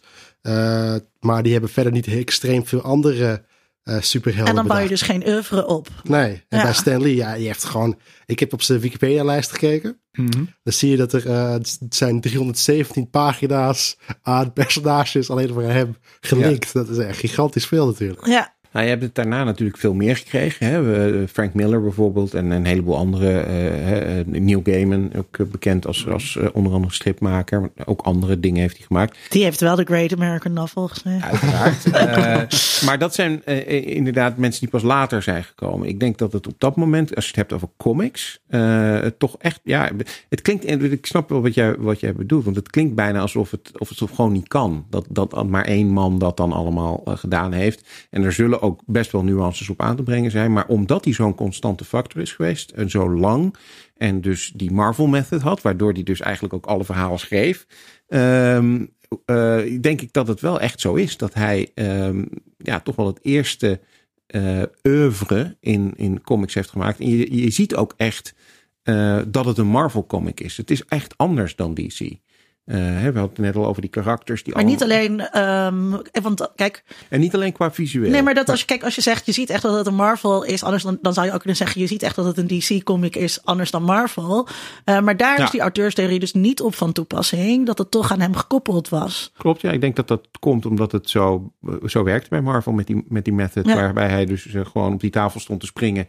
En iedereen deed dan vervolgens wat hij zei. En ook genoeg ego had om zich En- allemaal toe ja. te eigenen en te zorgen dat het allemaal op zijn konto kwam te staan. Ja, maar ik Toch? denk ook dat zelfs andere auteurs na hem in de comicboekindustrie hebben niet op de manier waarop Stan Lee een oeuvre heeft of een herkenbaarheid heeft eh, binnen comics. Ehm, bijvoorbeeld eh, eh, Alan Moore en Mhm. eh, Frank Miller, dat zijn toch meer soort van die hebben een autoriteit omdat ze meer aan het literaire grens. Ze doen Mhm. serieuze dingen, ze hebben complexere karakters eh, en daardoor zijn ze auteurs. En Stan Lee heeft dat toch op een andere manier, denk ik. Dat is wat, wat luchtiger. Het is meer zijn persoonlijkheid. Ik bedoel, Mhm. Alan Moore en Frank Miller zijn op hun beurt natuurlijk ook persoonlijkheden. maar niet, niet herkenbaar op Ja. dezelfde manier. En zij zullen ook niet...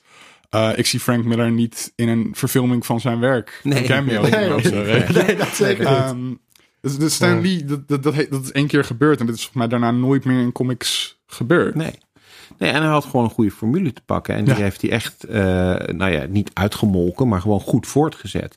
Eh, hè, dus inderdaad, dat, die, die humor die er altijd in zit. eh, het kli- klinkt raar, want comics zou je verwachten, er moet altijd humor in zitten. Maar niet alle comics zijn altijd even grappig. Maar die Nee. van Marvel, daar zit altijd een bepaalde soort humor in. En dat is een soort humor die waar, van de ene kant zichzelf niet zo serieus neemt. Hè? Een beetje zelfreflecterende humor zit er vaak in. Beetje droog, uh, Deadpool. Uh, ja, een beetje, nou ja, Deadpool is, is wel heel extreem, maar uh, inderdaad, Deadpool is ook van. Ja, dat is een soort culminatie ja. daarvan. Klopt, dat is inderdaad het doorbreken van de vierde muur. En nou, dat is inderdaad. Maar Deadpool is in die zin. Een, Deadpool zegt ook in de cameo, als dan Stanley opduikt als cameo, dan zegt Deadpool ook op een gegeven moment: Shut up! Shut up, Stanley! Ook heel grappig. Ja, nee, Deadpool is denk ik een goed voorbeeld. Dat, dat, dat is echt een Marvel-karakter ben niet zeker of Stan Lee hem bedacht heeft. Dat denk ik eigenlijk niet. Maar het past wel heel erg in de lijn van, van die hij heeft in, uh, ingezet. En dus van de ene kant dus die rare humor, waarbij je jezelf ook niet zo serieus neemt. En tegelijkertijd toch ook uh, gewoon wel serieuze verhalen uh, vertellen. Ik bedoel, ik kan natuurlijk, ze hebben wel ook een, een, een blad gemaakt, Not Brand Echt, waar, waar alleen maar hele stomme mad-achtige humor ingemaakt werd. Maar de meeste van die verhalen zijn behoorlijk serieus. Die gaan nou ja, dan gaan mensen dood en uh, de, de, de wereld uh, moet gered worden. Wat je verwacht bij een superheld. Uh. Ja. Tom, um, voor jou als, als, als geesteswetenschapper, die mm -hmm. ook een, een researchmaster doet bij ASCA, bij cultural, cultural, Analysis, is dan dat oeuvre van Stanley oeuvre genoeg om hem inderdaad ook als auteur te zien binnen de geesteswetenschappen? Of moet je daar toch echt Dan Hessler voor heten? nou, ik, ik ik denk, ik bedoel, we hebben altijd de mond vol over dat de auteur dood is. Um, is helemaal niet. Nee, maar uh, uh, de auteur heeft een bepaalde functie. Je hebt ook een, een andere theorie naast die van Roland Barthes dat de auteur dood is van Foucault. Uh, waarin hij ook zoveel zegt als dat de auteur dood is. Maar hij zegt wel, er is een auteurfunctie. Mm -hmm. je kan iemand construeren achter een serie werken waarmee je een soort lijn kan trekken tussen dat allemaal. En dat kan met Stan Lee natuurlijk heel makkelijk. Nou ja, dat, is ook wat, heel er herkenbaar heel, is. Wat er net gebeurd is. Wat er net gebeurd is. En um, dan een beetje vanaf de zijlijn te schrijven. En de auteursintentie doet er niet toe of zo. Ja, soms moet je ook daar gewoon. Nee, maar dat, dat was eigenlijk niet, wat eigenlijk niet mijn vraag. Maar ik vind het wel leuk dat je dit nu zegt over Foucault. Want dat is natuurlijk wel ook een beetje mm-hmm. waar ik op zat niet zozeer voorkomen, maar dat, dat, dat er aan hem wordt alles toegeschreven. Want hij is ook degene aan wie het toegeschreven kan worden. Ja. Er is geen andere geconstrueerde persona aan wie dat kan. Nee, maar ik vroeg eigenlijk, uh, krijgt hij de erkenning, krijgt hij erkenning binnen geesteswezen? Zijn er oh, mensen met hem bezig? Um, met dit er, er, was twee of drie weken terug een conferentie over comics uh, aan de VU, waar ik niet heen ben geweest. Geef niet. Um, maar... Super slecht. Oh, zo, Zeggen jullie luisteraars. Jammer hè, dat Tom daar niet heen was. Um, maar volgens mij gaat het binnen academische studies naar comics niet per se heel erg over Marvel en DC comics, maar meer over graphic novels. Mm. Ik weet dat een comic als Mouse of een graphic novel Hmm. moet dat dan heten als mouse? Moet dat eerst een graphic novel heten? Ja, ja. Het, ja. Uh, helemaal kapot gestudeerd is. En, en dat maakt echt geen grap over zijn conferenties geweest over mouse.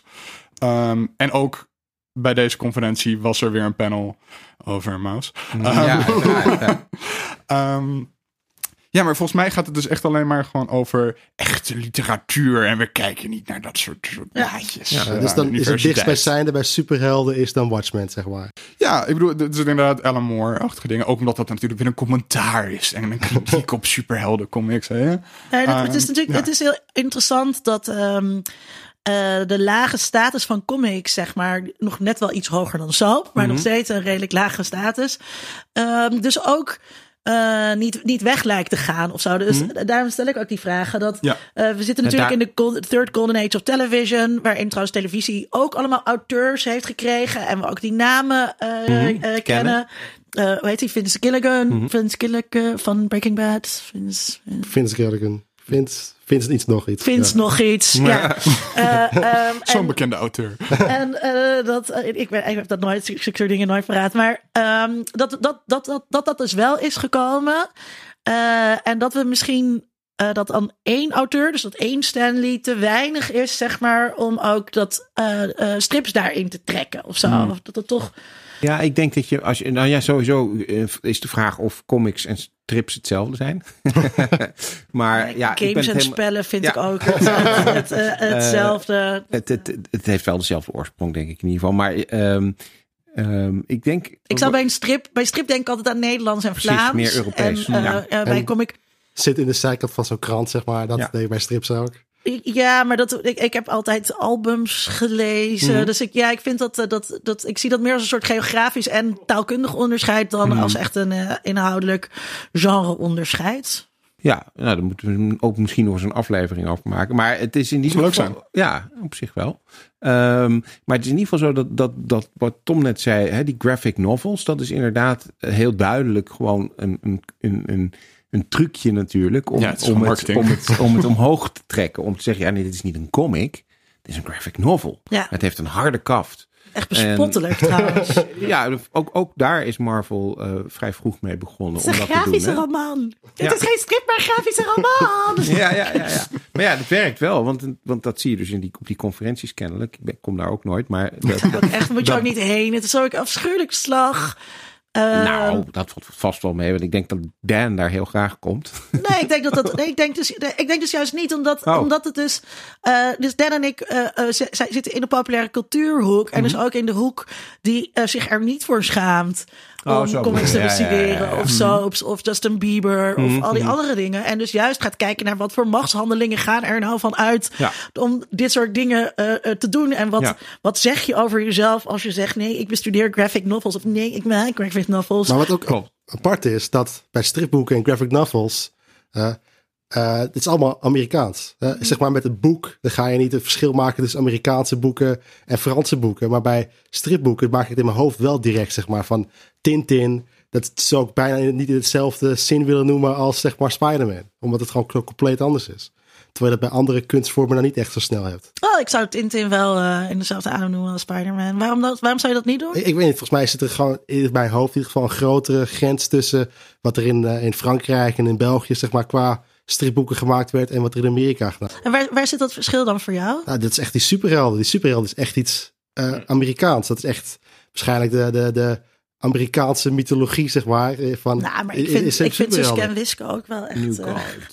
Ja.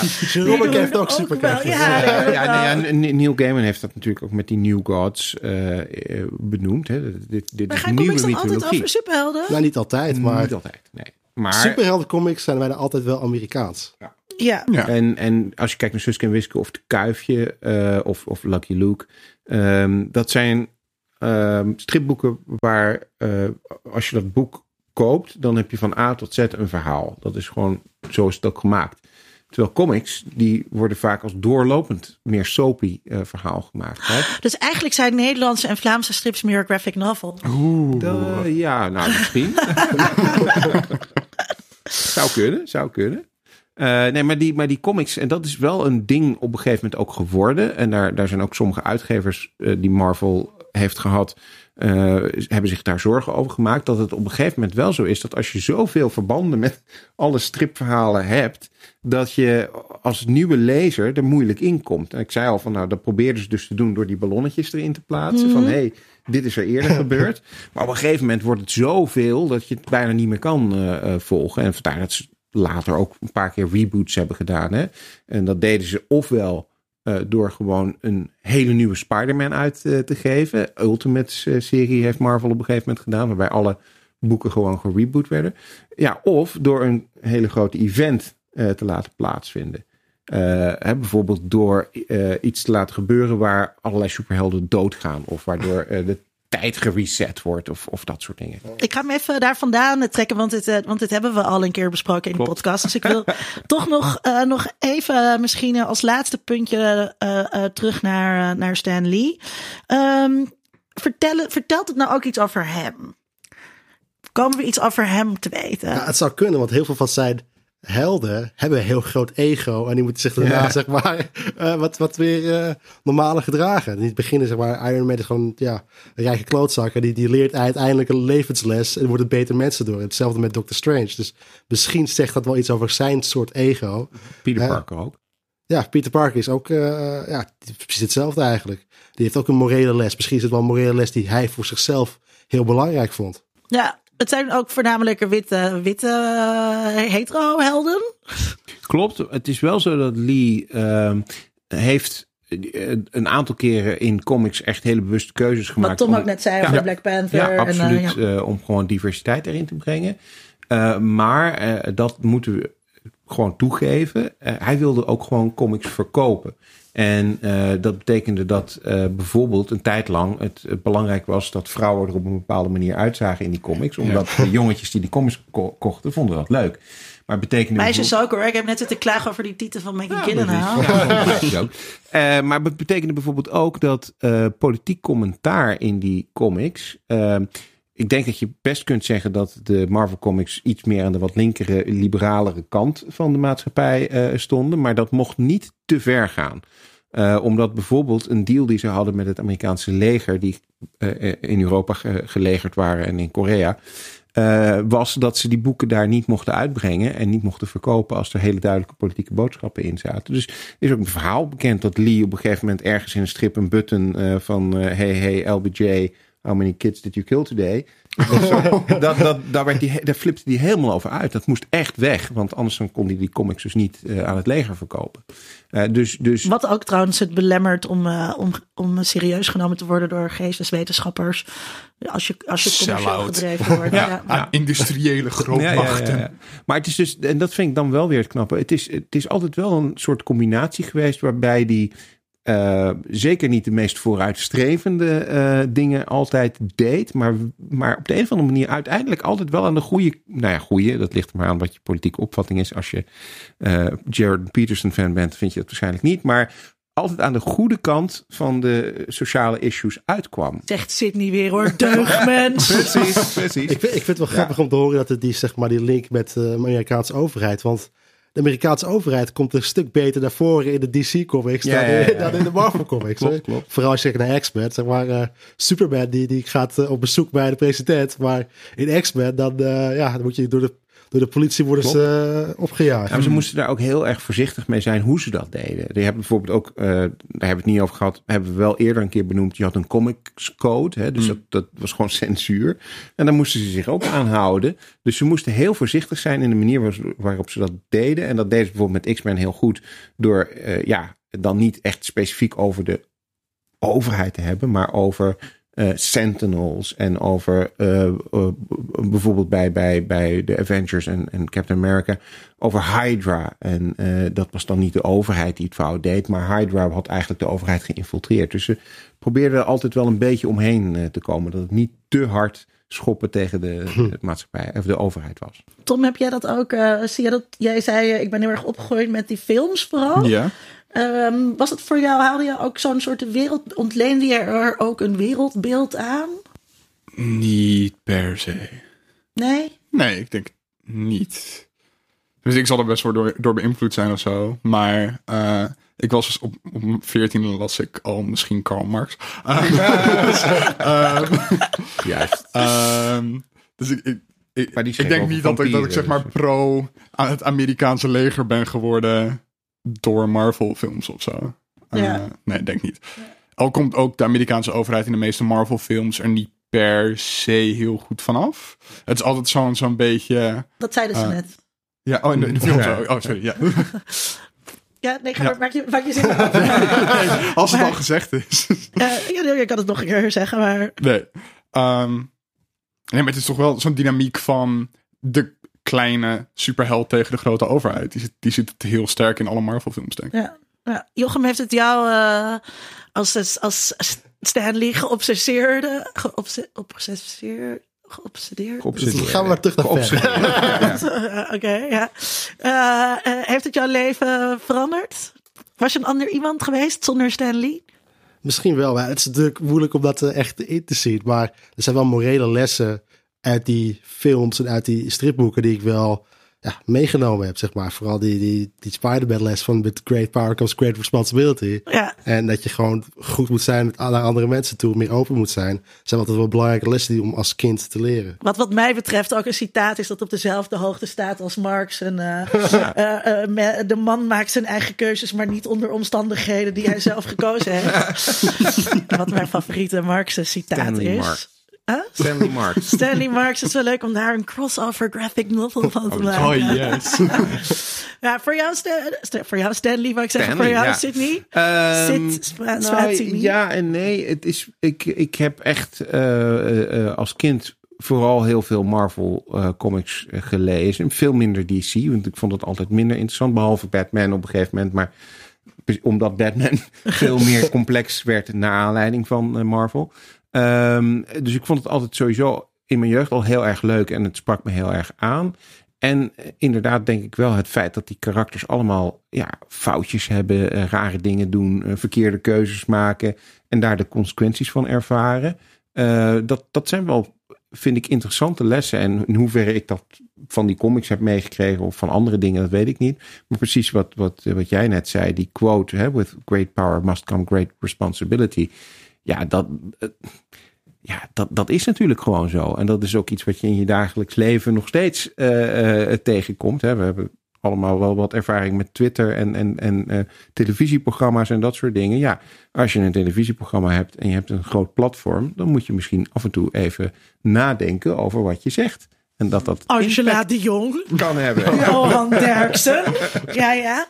Ehm, dat is misschien mooi om mee af te sluiten. With great power comes great responsibility. Heeft Stan Lee dan ook zijn grote macht die hij had in het comic-universum ingezet ten goede?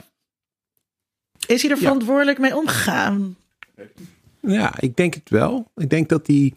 ehm, kijk, hij had meer kunnen doen, denk ik. Eh, maar dat is natuurlijk ook de kritiek die we al een paar keer in andere afleveringen hebben geuit op het MCU.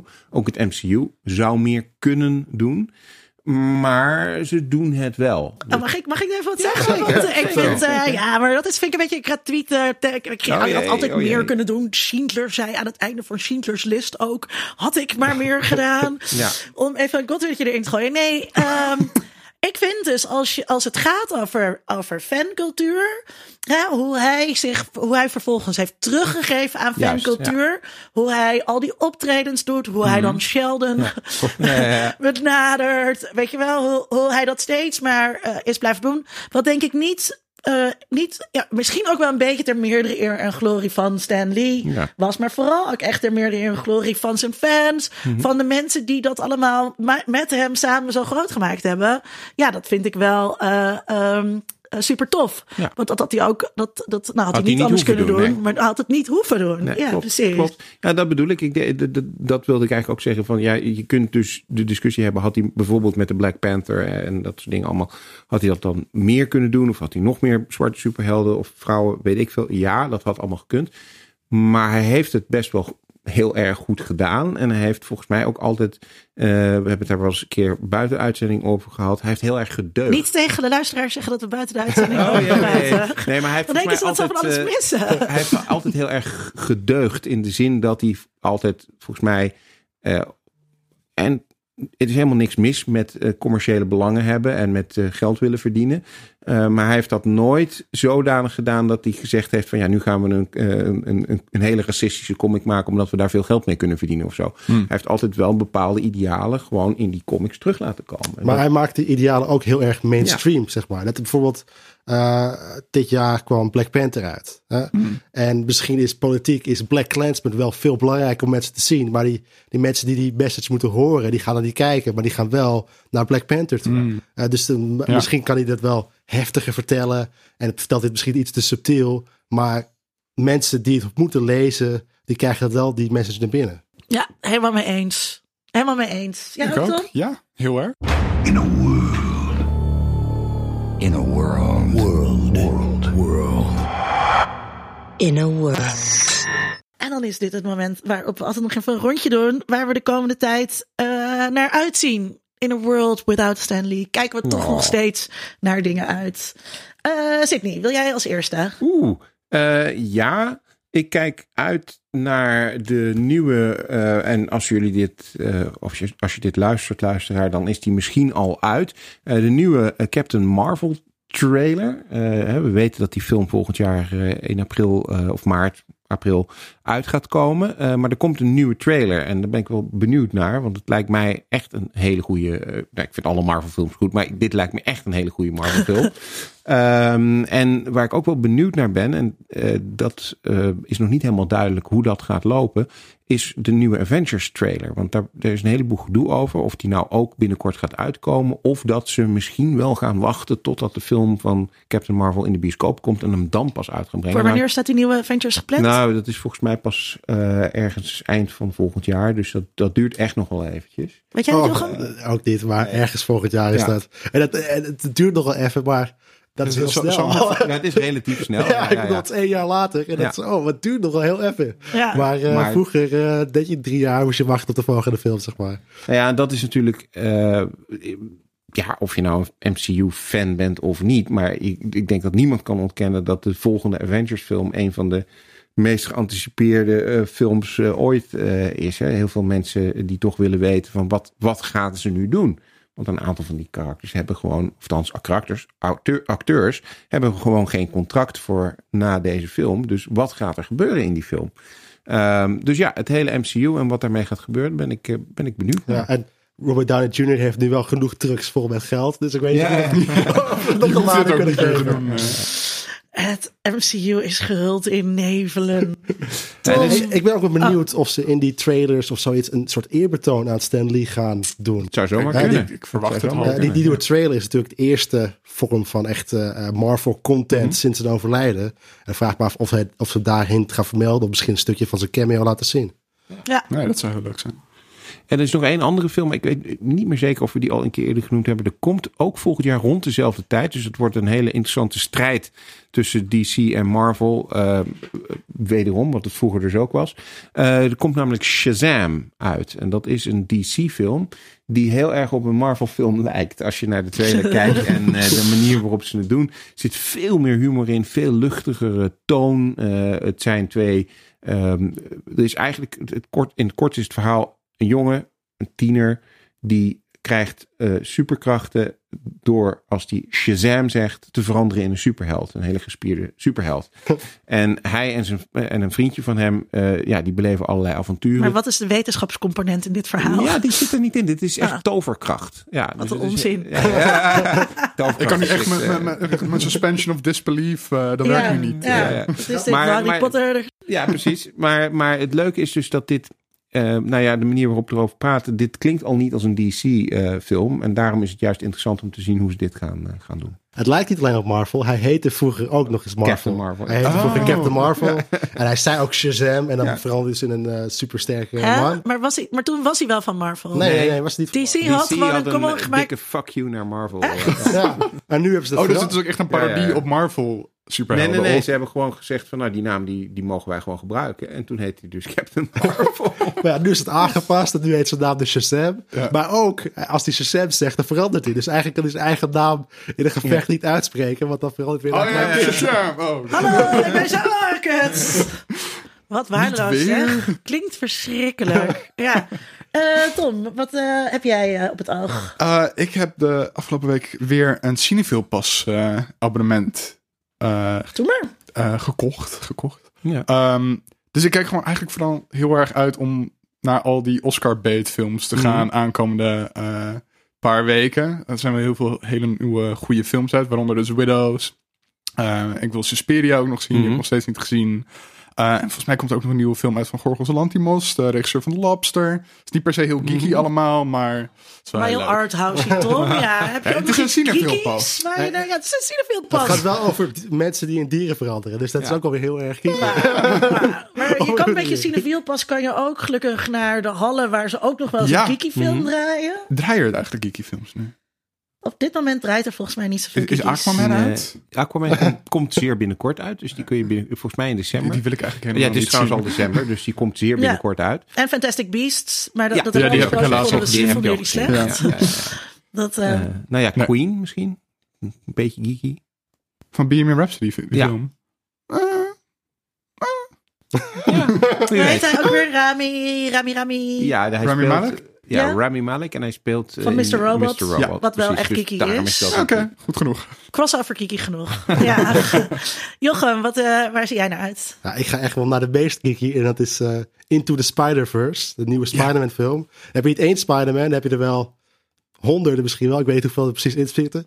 Maar eh, dat is dus een film die gaat over een multiverse. Multiverse universum. En dus komen alle Spider-Man uit alle universumen komen bij elkaar en dan eh, moeten ze een eh slechterik verslaan. Ik weet niet precies waar het over gaat. Kingpin zit er wel in, dus, dus Kingpin zit dus wel in de Spider-Man film deze keer. En eh, ja, het gaat nu meer vooral over de hoofdpersoon is... eh, ik ben zijn naam even kwijt. Hij komt Miles uit- Morales. Miles Morales, dat is een eh, half Mexicaan, half zwarte eh, Spider-Man. En die komt ook uit de Ultimate Universum, waar het Spider-Man in overleden is. Eh, dus ik ben benieuwd hoe ze dat gaan brengen in deze film. Maar, maar worden al die Spider-Mans. Oh, ik, ik wou zeggen, ik wou een soort Latijnse, Latijnse verbuiging daar maken. Al die Spider-Mai. Worden die dan allemaal eh, f- eh, gespeeld door verschillende acteurs? Alle verschillende acteurs. Hè? Nicolas Cage speelt er een. Wat? Speelt, ja, ja, ja, Nicolas Cage speelt eh, Spider-Man Noir volgens mij. En dat is dan de Spider-Man die een beetje lijkt op Batman. Een beetje detective. En zijn artstyle is ook een beetje zwart-wit. Terwijl de rest allemaal heel gekleurd is. Maar dit is dus geen Marvel-film. nee, Ja, het is een Sony film. Het is Ja, wel ja, Sony, Marvel. En wanneer komt die? Is al, draait het al? Eh, 20 december ergens. Ergens Oké. december was het volgens Oh, nou, maar dat klinkt toch wel, eh, klinkt toch wel heel erg eh, geeky. Ja, en, en we ben Team benieuwd. geeky. Ja. Want als er heel veel Spider-Man zitten van allemaal verschillende universum. eh universa? Universa. Oké. Eh, zal er vast misschien wel een Stan Lee Spider-Man in kunnen zitten. Het zou zo. Het zou zo leuk zijn als Stan Lee dan een Spider-Man zou spelen. Hij zal er ongetwijfeld een cameo in hebben. En eh, hij krijgt Into the Spider-Verse.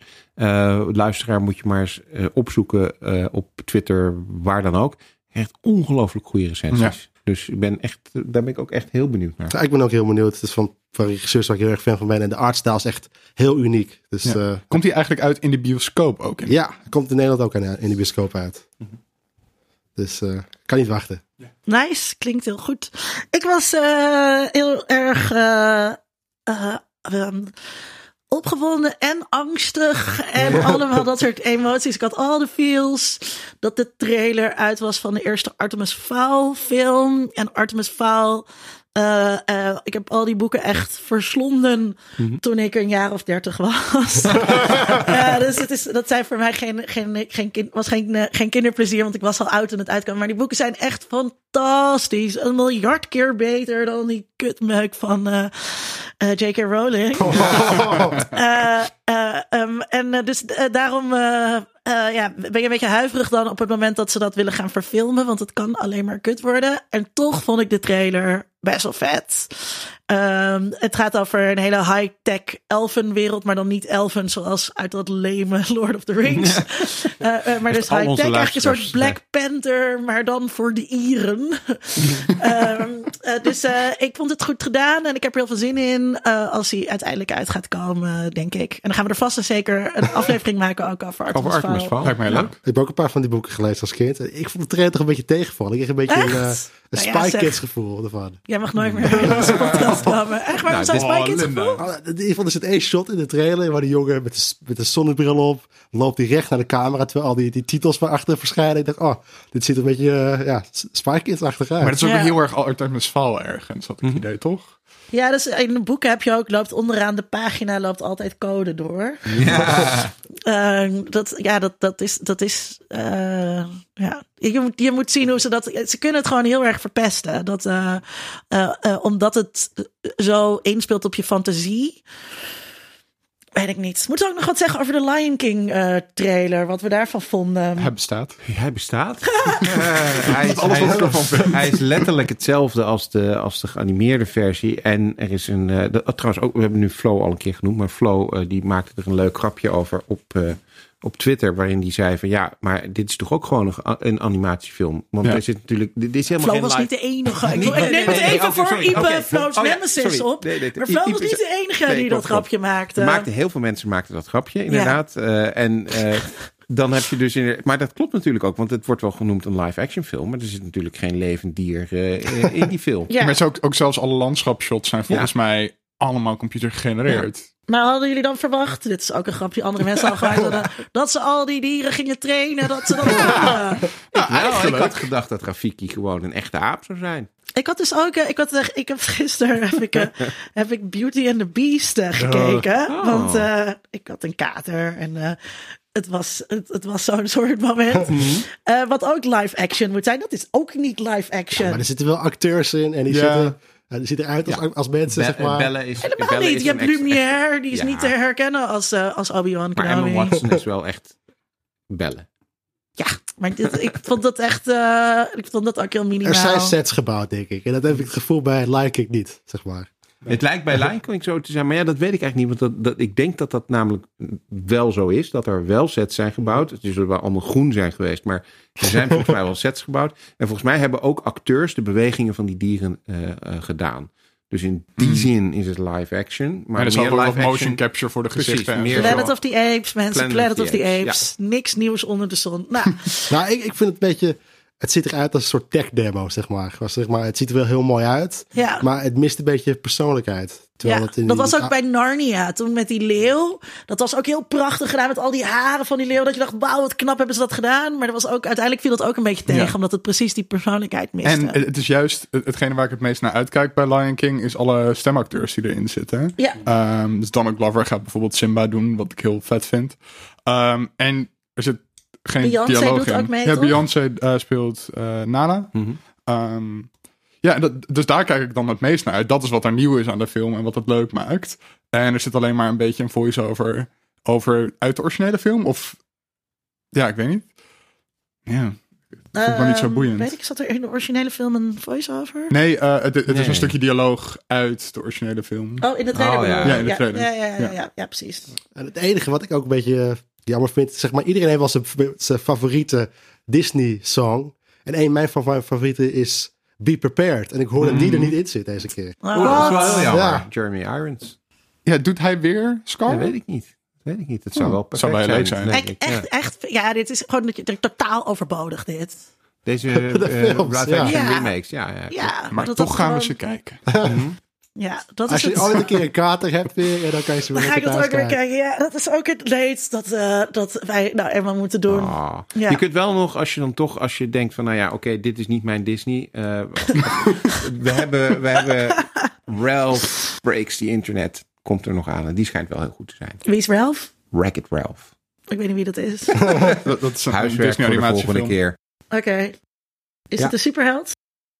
Het is een computer, eh, eh, soort- computer game figuur. Een soort Oh. parodie op eh, Donkey Kong, zeg Ja. maar, uit Mario. Oké. Eh, Donkey Kong, dus een standalone game. Uit Oké. Mario. Mario, nee, maar Donkey Kong was er veel eerder dan Mario. Nee. Nee, nee, nee. Uit de allereerste Mario game is de eerste game waar Donkey Kong ook in zit. Daar is hij de villain. Dat hij die barrels naar beneden gooit. Begin jaren 80 Documentaire nooit eindeloos Donkey Kong gespeeld. Dat was toch eerder dan Mario? Nee. King, heb ik, dit is een hele mooie documentaire. King was Mario? Mario is ook begin jaren 80. Mario. Ja, ik weet wel, nou, wij, eh, wij eh, gaan hier nog even Door. door, eh, Ja. over door eh, geeken en, en kibbelen. Ehm, laat ons weten wat jullie missen aan Stanley. Of wat jullie Stanley's leukste cameo vonden. Op Facebook of op Twitter. Het Kiki Dingen. Je kunt ons overal vinden.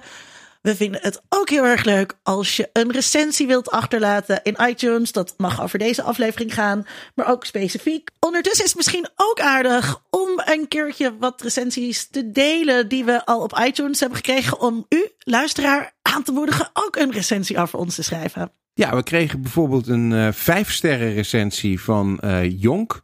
Eh, die zei, zo hoort een podcast te zijn. Leuke en enthousiaste experts over ins en outs. Ben weer helemaal bij en nooit geweten dat ervaringen. Dank. Ik kijk uit naar de volgende cast. Die heb je zelf geschreven, zeker? Nee, nee, nee, nee, echt niet. En eh, er was nog een hele leuke van eh, Niva. En die zei eh, dat het de beste Nederlandstalige podcast was. Nou, Wat een die, eer. die eh, award eh, krijgen we volgend jaar, denk ik. Ehm, ook vijf sterren. Eh, ehm, dit is zonder twijfel de beste Nederlandstalige podcast over populaire cultuur. Gedegen analyses over geeky dingen. Nou, dat lezen we graag. Dus Hartstikke ja, leuk. laat je, laat je recensie Ja, achter. en als je niet gelooft dat die recensies echt waren, kijk dan snel op iTunes. en als je daar dan toch bent, dan kan je ook meteen zelf een eh, eh, recensie achterlaten.